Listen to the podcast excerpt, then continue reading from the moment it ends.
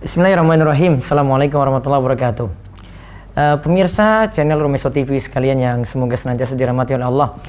Kita jumpa lagi. Kali ini kami kedatangan uh, seorang tokoh asli Gunung Kidul yang alhamdulillah kami berjumpa membuat janji dengan beliau uh, untuk nanti banyak berdiskusi karena saya juga ingin belajar banyak dari beliau bagaimana beliau sebagai seorang profesor ya dari semula itu ya istilah kita karena di Gunung Kidul ini ya makanan pokoknya itu makanan pokoknya dulu adalah singkong dan itu jadi makanan warga kemudian ya beliau dari anak singkong tadi menjadi seorang profesor saat ini dan saat ini menjabat sebagai rektor Universitas Negeri Yogyakarta.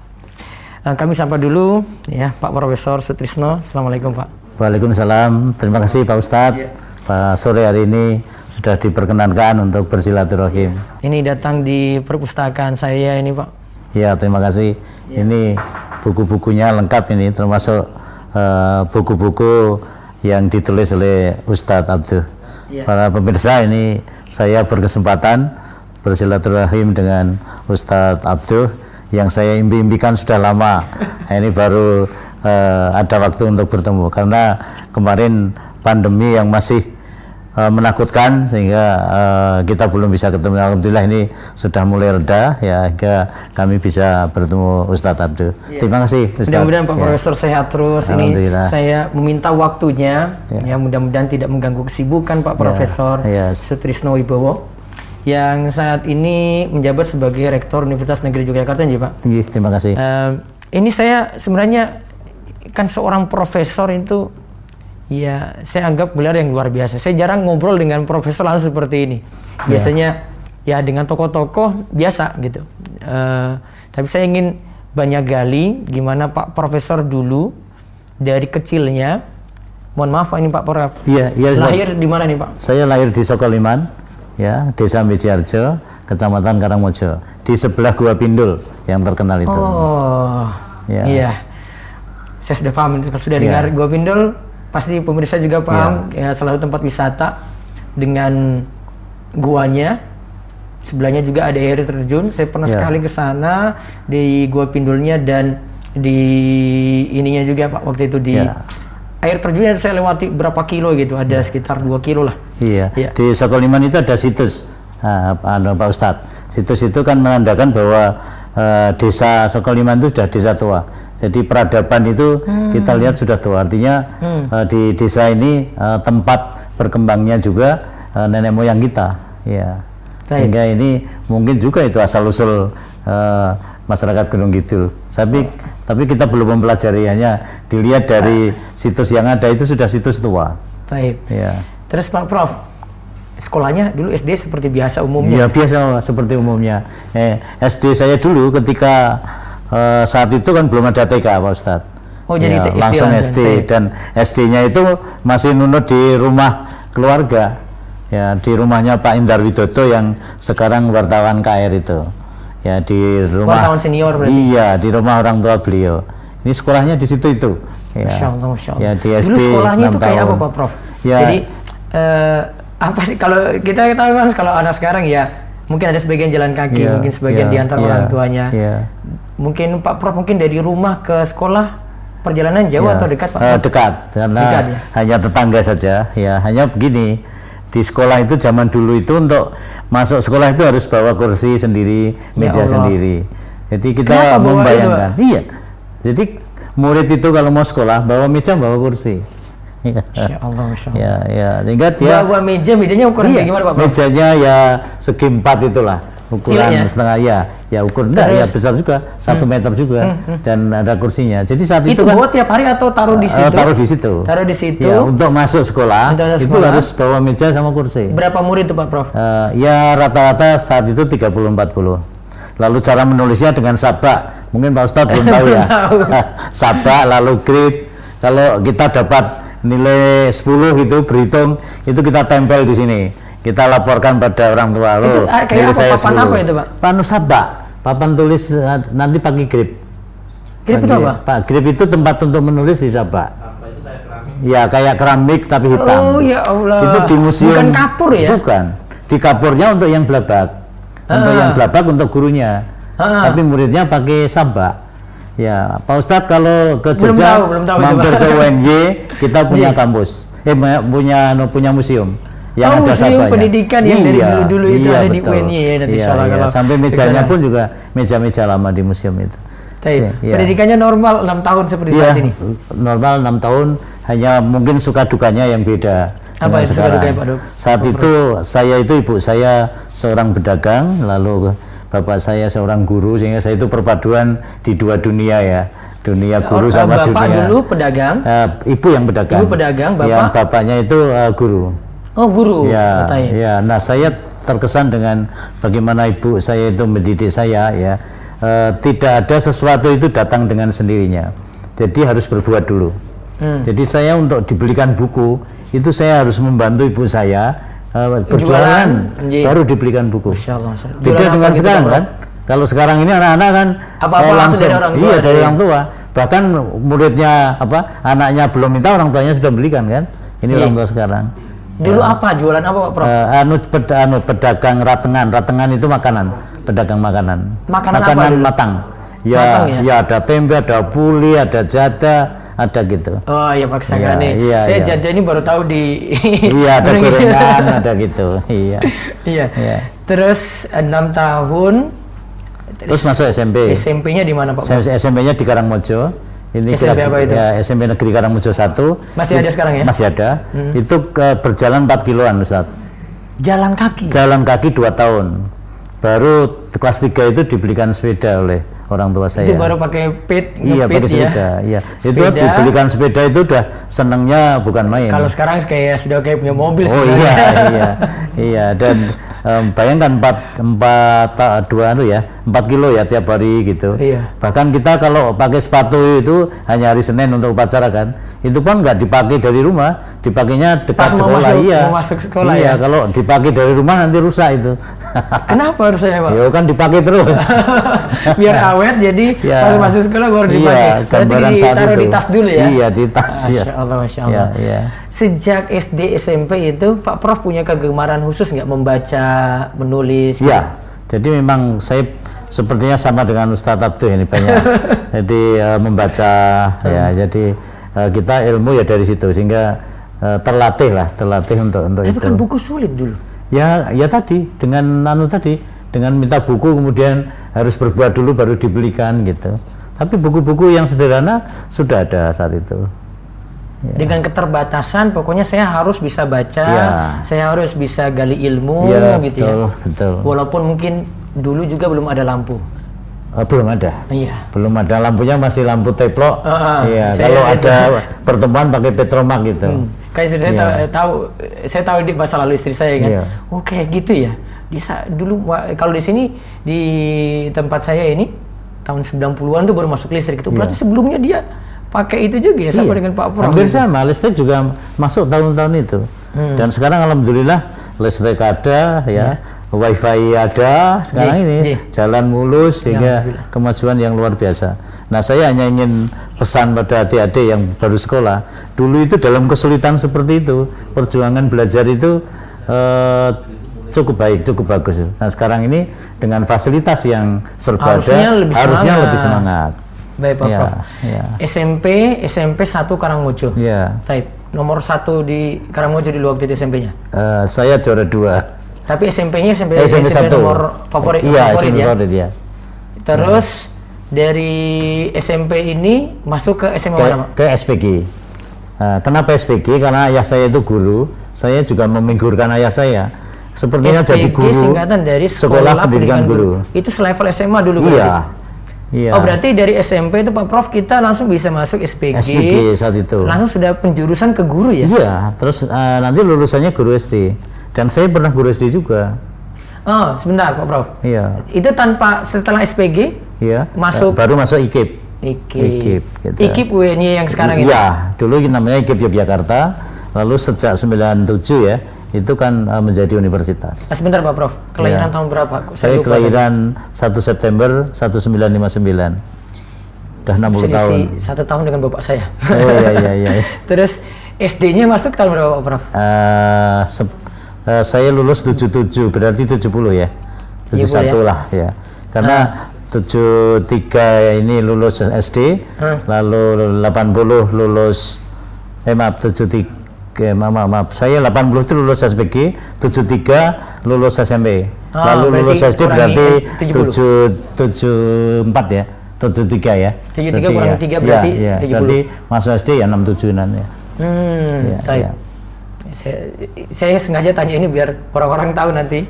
Biar ya. saya tahu kalau itu keadaannya ya jauh sekali tapi ini ini tidak me, menyurut semangat untuk terus ya, belajar betul, Pak Prof betul, ya. Betul. Terus masuk SPG seperti biasa ya Pak Prof ya? Iya. Nah, kenapa masuk SPG? Membaca, ya karena uh, saya karena ikut, karena ya.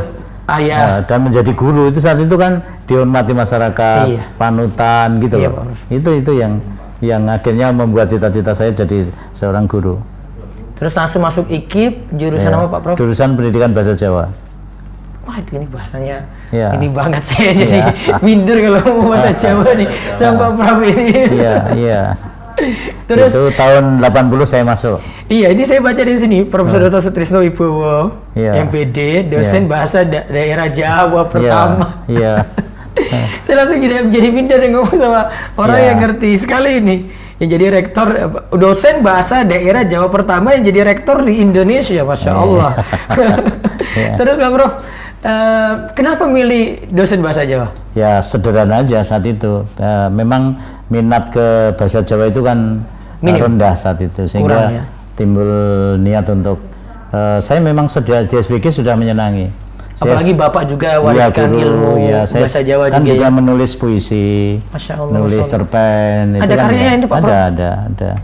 Ada pernah juga juara menulis puisi itu pernah juga di SPG. Masya Allah, Masya Allah, Masya Allah. Ya, nah dari situ terpupuk. Ya, akhirnya saya masuk di S1-nya pendidikan bahasa Jawa. Ya. Pendidikannya berapa lama Pak Prof di Uh, lima tahun, empat setengah lah. Empat setengah ya? Iya, iya. Kalau sekarang kan ada tiga setengah, ada empat gitu. Iya, ya. iya, iya. Dulu berarti sampai sembilan semester. Iya, iya. Sembilan ya, semester ya. Iya, iya. Terus uh, uh, pendidikannya sama seperti sekarang ini juga atau ada perubahan dari uh, sekarang ini dengan yang ya, dulu Pak Prof? Berbeda dalam fasilitas ya. Kalau dulu ini kan uh, satu-satunya sumber ilmu itu buku. Kalau sekarang kan internet, di mana-mana oh, bisa. Iya. Sekarang nggak apa-apa tanya Mbak Google aja. Iya. Bahkan saya mau tanya tahu bahasa Jawa apa pun sudah ada di Google. Bisa ada di Google. Sama ya. seperti saya tanya Kalau bahasa dulu, Inggris iya. apa sudah ada iya, gitu ya. Iya. Ya, iya. Sehingga perpustakaan itu ya tidak selengkap sekarang. Kita harus uh, karena kami dari bahasa Jawa ya kadang-kadang ke perpustakaan daerah, ke perpustakaan daerah di Jogja ya. Iya, iya. Karena ini buku-buku lama kan banyak di situ. Ya. Berarti, maaf Prof, Prof, ini sambil ngajarin saya nih Pak ya. Prof Ya. Kan ada tulisan Jawa itu ya, disebut apa Pak? Betul, ada. Tulisan Jawa huruf Jawa. Hmm? Huruf Jawa. Huruf Jawa iya, itu? Bisa. Iya. Ya. Itu berarti harus belajar khusus. Uh, ya sebenarnya tidak tidak sulit kok. Kan tidak hanya sulit. 20 hurufnya. Saya sendiri ya. orang Ambon pun bisa belajar. Iya, bisa. ya. Ya, kan hanya 20 huruf saja. Oh, Kon, ke 20 kan, huruf apa? Ono coroko, toto sawolo, podo joyonyo, Moga Bodongo 10 aja. Ah, Ini 20 aja kan? Saya ini saya mau ya, ya, kalau anak kan menulis Sutrisno Wibowo kan tinggal so diberi suku su. Lalu oh, terusnya itu bener. to tinggal dicokro di gini terus ah. diberi wulu Ye. ya lalu ada so-nya lagi dipanggu sama no. Jadi Sutrisno. Oh, Kalau itu gitu. makanya nama-nama Jawa itu ya asalnya dari huruf ini sehingga ya. penyebutannya seperti itu. Ya, betul. Berarti nulis nama saya ini sulit ini, Pak. Ah, bisa juga. Bisa juga. bisa juga. Karena ada ada vokal. Ada vokal. Jadi iya. maaf ya, Ustadz Abduh A itu ada vokalnya. Ah. Vokal A gitu. Iya. Kemudian tuhnya ya do saja. Do iya. diberi suku lalu kasih wijah yang di itu yang anu H gitu. Udah. Jadi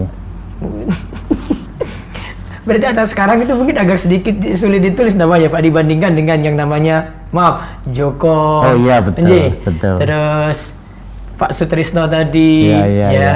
Sulis gitu ya, ya. mudah ya. ya. Kalau Muji Muji juga bisa. Muji, ya. Muji itu nama Jawa itu. Iya nama Jawa ya. Mudah ya. Iya, Boleh cuma Mujiono, cuma empat huruf gitu iya, ya. Iya. Iya, jadi saya paham Pak, Pak yeah. Prof. Terus Pak Prof, S2-nya setelah dari S1? Saya di IKIP Jakarta.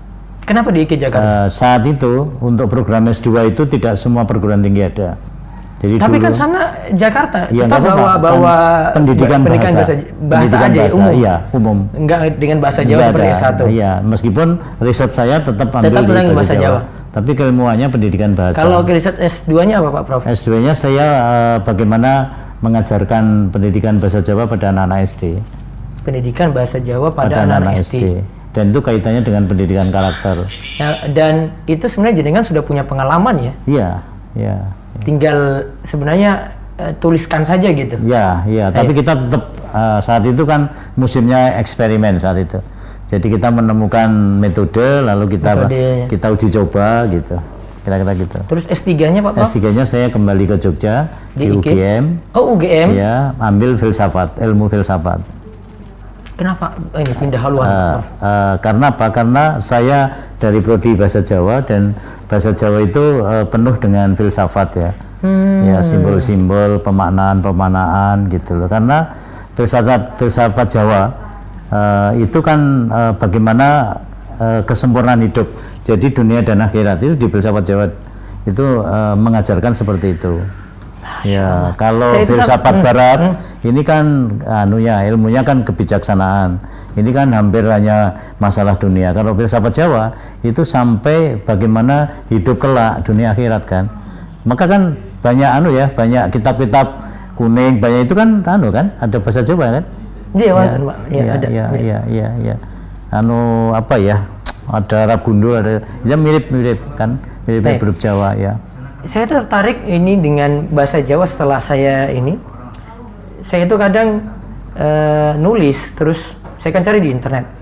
Pernah saya tulis itu filosofi ya betul. angka-angka Jawa itu pak. Ya. Oh Ustaz malah sudah nulis itu ya tapi saya nggak tahu ini benar apa apa ya. apa tidak nih Pak Prof. Ya, ya. Uh, filosofi ini waktu itu saya bahas tentang umur sampai saya jadikan bahan khutbah ini. Saya nggak tahu ini nanti Pak Prof hmm. uh, bisa koreksi. Dulu itu saya tulis gini. Jadi intinya kan uh, maaf Pak Prof, ya, uh, ya. angka 25 bahasa Jawanya apa ya? Selangkung.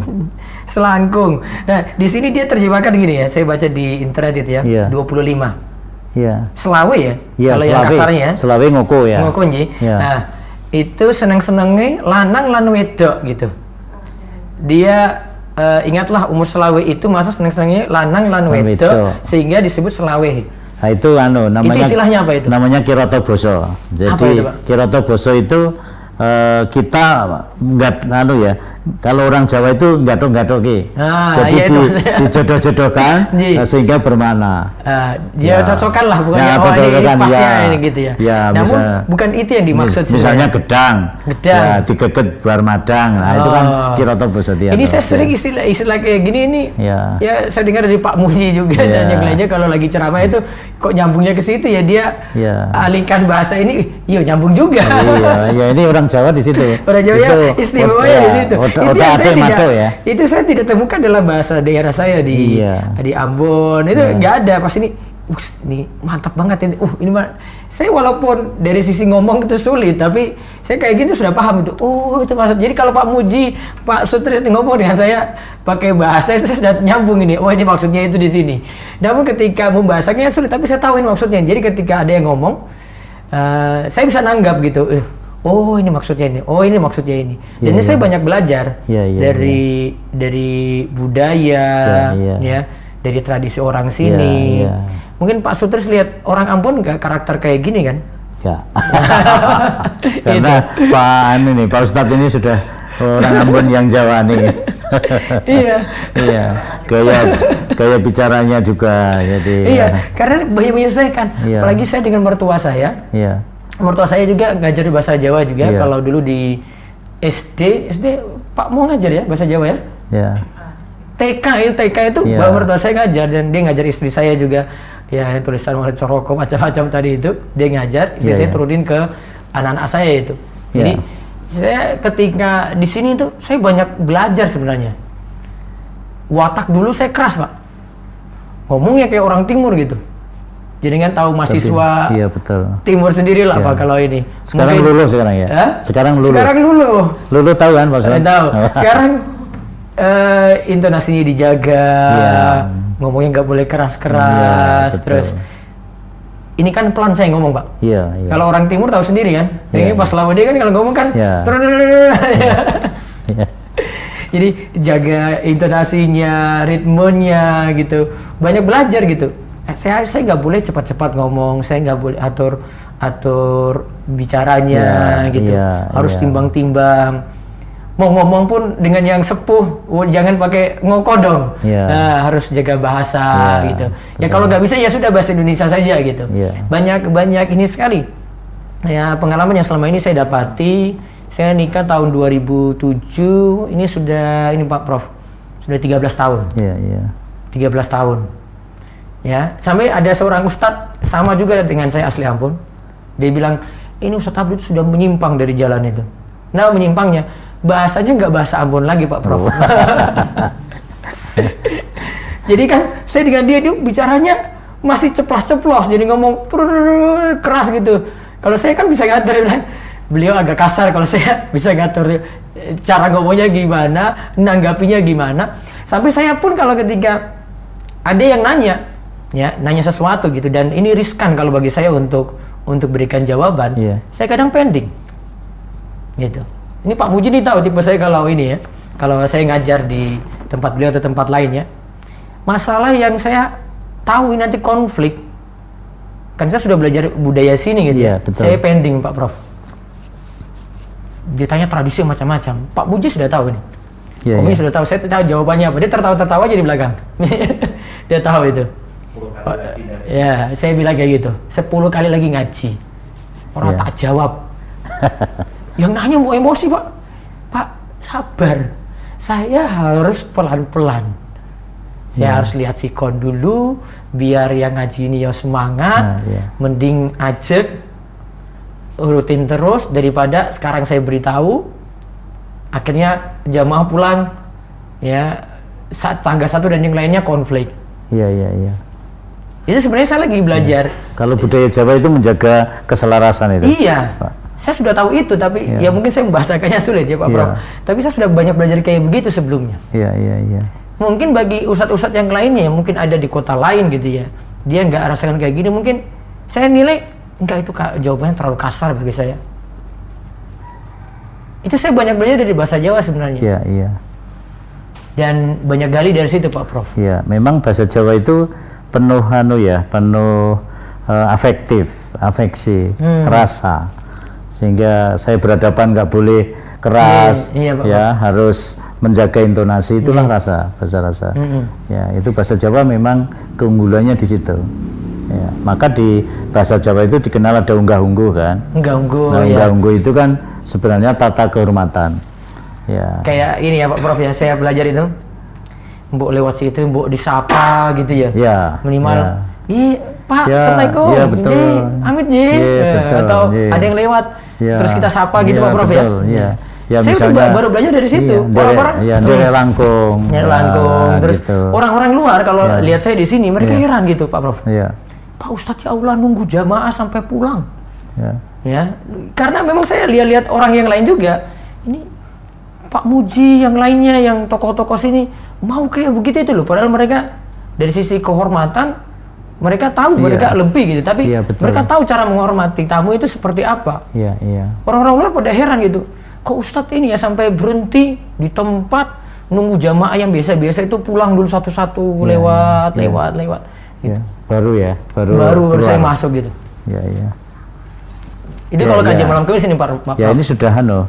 Sudah Seperti itu ya? eh, alkulturasi Ambon dan Jawa ya. Nah itulah dari dari Ambonnya itu dari sisi tegasnya ya. Saya Iya. memang eh, kalau beri jawaban tegas. Ya. Tapi kadang ketika saya masih bisa tunda pending itu, saya sudah berpikir itu, berpikir tunggu dulu. Ini eh, this time eh, waktu sekarang ini belum pas. Iya, iya. Saya harus tunda.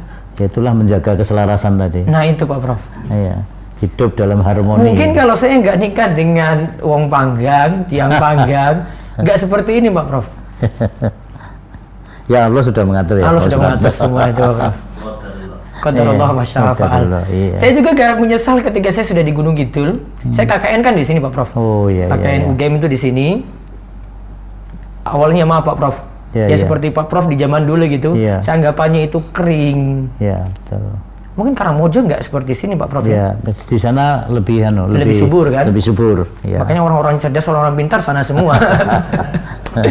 di sini Pak Prof, saya datang sini dari UGM itu. Iya. Jadi sudah dapat dari KKN di mana? UGM. Innalillahi wa inna ilaihi rajiun ya Allah. Saya seorang mandi nih, saya jelas nih. ya sudah, sudah sedih banget kalau datang ke sini itu.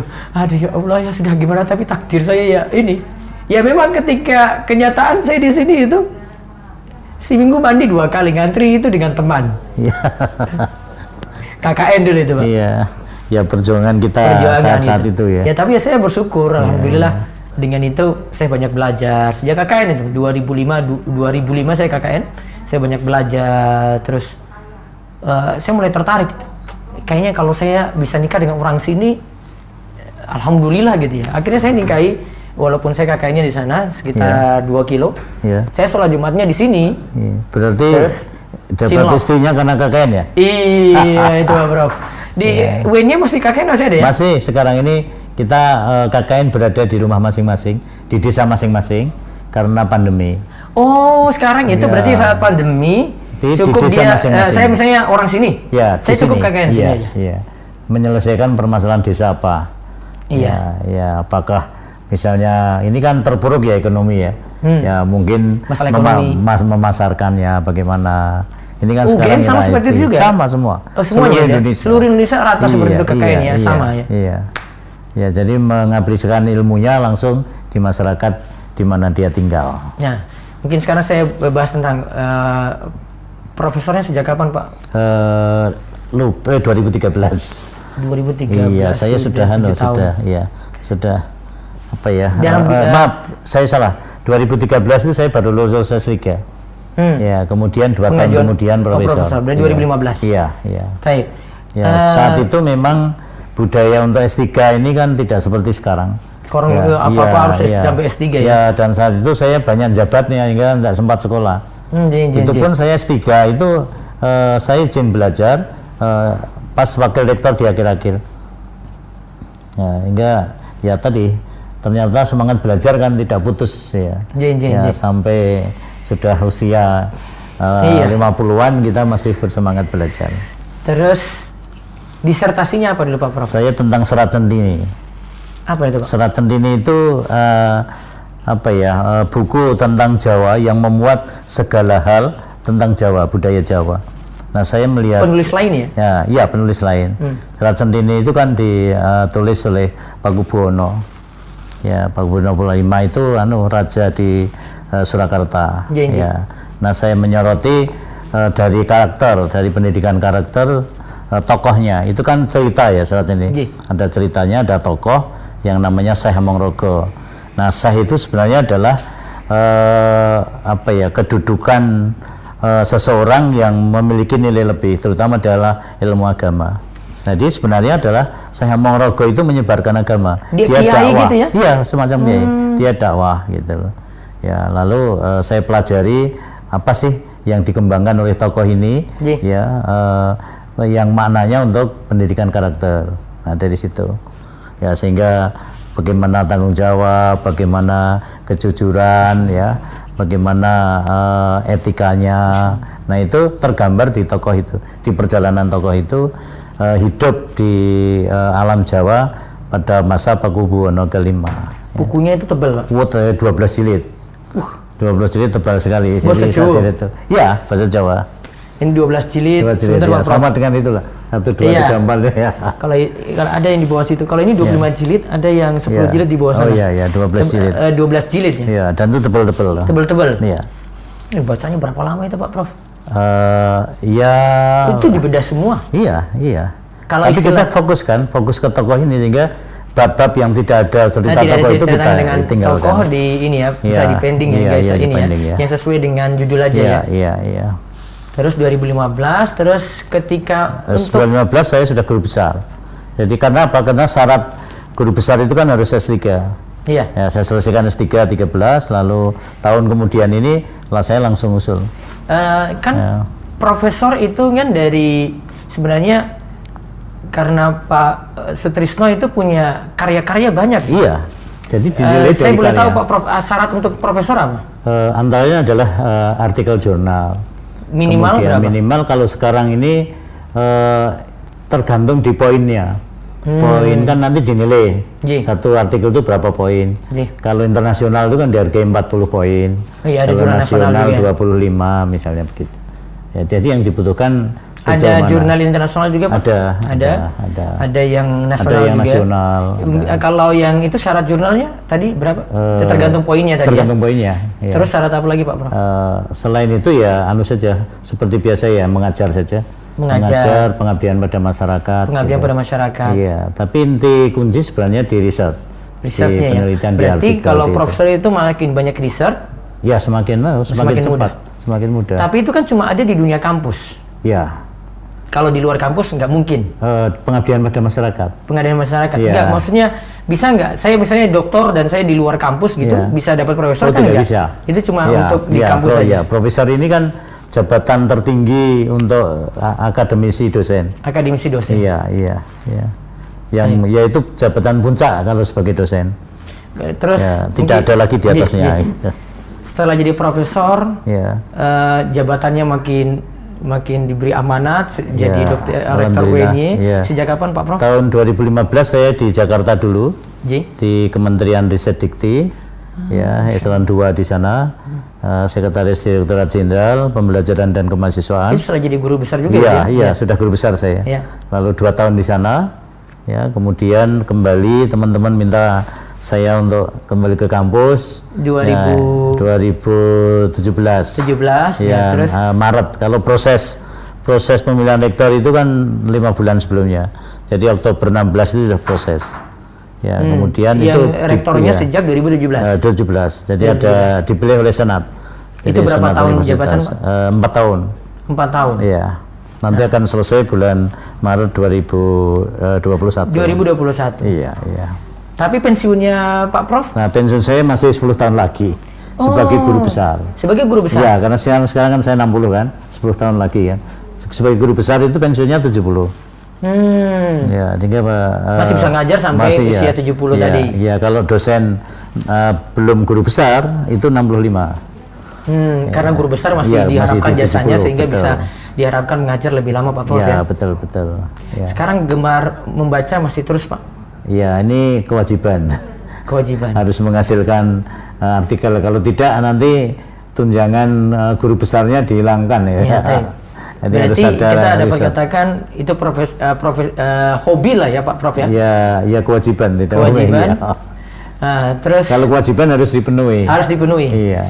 Tapi kan ada juga membaca selain de- untuk tuntutan wajib tadi kan Pak Prof. Iya, iya, iya. Tapi kan hasilnya nanti harus riset. Harus riset. iya, harus penelitian lalu ada artikelnya. Baca sehari berapa kali Pak Prof? Eh, karena saya itu banyak di struktural ya.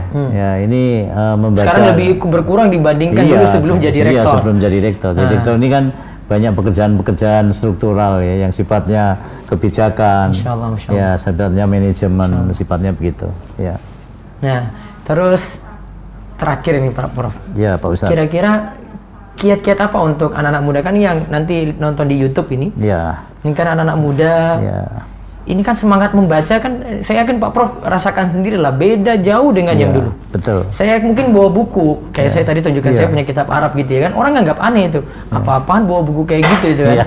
Tapi saya tuh sudah rasa saya harus baca gitu. Ya, Nah, mungkin ada kiat-kiat untuk anak-anak Iya. muda milenial saat ini mereka supaya bisa semangat membaca, bisa mencapai gelar juga sampai doktor atau Iya. yang mungkin terjun di kampus sampai profesor gitu. Apa kiat utama mungkin bisa Ya, baik. uh, jadi closing statement Pak? Kalau zaman dulu saya kan kerja keras ya, Iya. harus jalan kaki, harus baca buku real, eh, mencari buku di mana-mana. Ini kan kerja keras.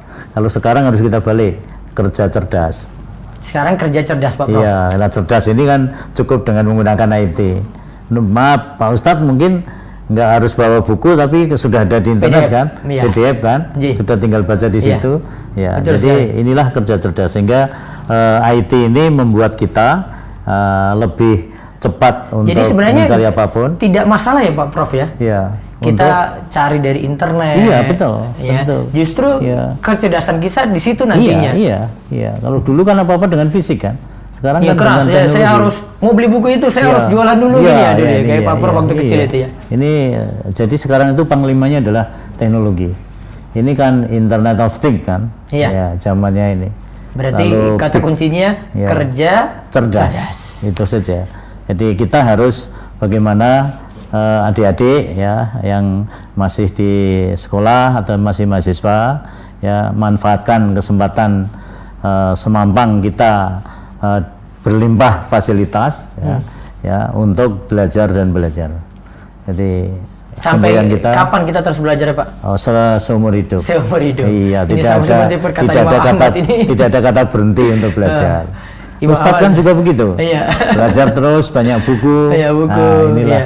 Ya, inilah. Ya mudah-mudahan uh, ini jadi nasihat uh, Ya. closing yang luar biasa. Dua kata saja. Ya. Ini filosofi Jawanya ini main di sini nih Pak. Saya yakin ini. Betul.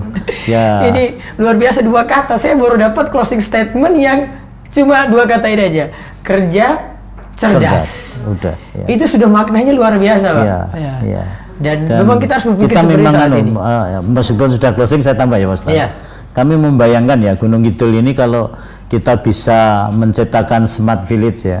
eh, Smart village ya, ya, desa-desa desa- yang desa cerdas. cerdas gitu Nah, ya. ini adik-adik berdua ini coba ini Yang anak desa. ini, anak desa. pegang kamera. Ini anak-anak cerdas kan.